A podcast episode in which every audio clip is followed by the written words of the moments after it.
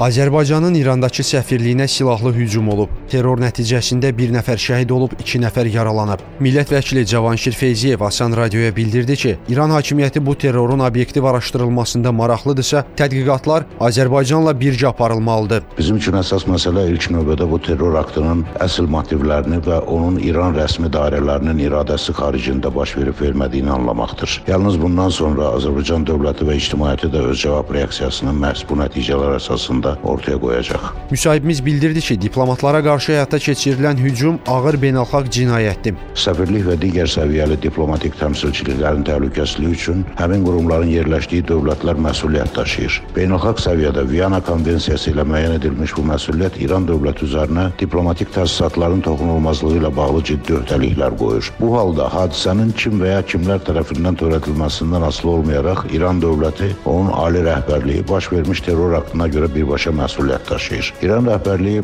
baş vermiş bu qanlı hadisəni böyük həssaslıqla araşdırmalı, əldə olunan nəticələr barədə Azərbaycan dövlətinə ətraflı və obyektiv məlumat verməli və cinayətin törədilməsində iştirak olanları ciddi cəzalandırmalıdır. Bu ilk deyil, son zamanlar digər ölkələrdəki səfirliklərimizə də hücumlar təşkil olunub. Keçən il bir sıra ölkələrdə səfirliklərimizə qarşı hücum, təzyiq və təhdid hadisələri baş verib. Bunların bir qismi erməni vandallar tərəfindən təşkil olunmuşdu. Lakin Böyük Britaniyadakı səfirliyimizə qarşı təşkil olunmuş hücum isə İranla bağlılığı olan proksi təşkilat tərəfindən həyata keçirilmişdi. Təhqiqatlar bu suala açıq-aydın cavab verməsə də bəzi mənbələr bu hücumun İran hakimiyyəti tərəfindən idarə olunduğu ehtimalını da istisna etməmişdi.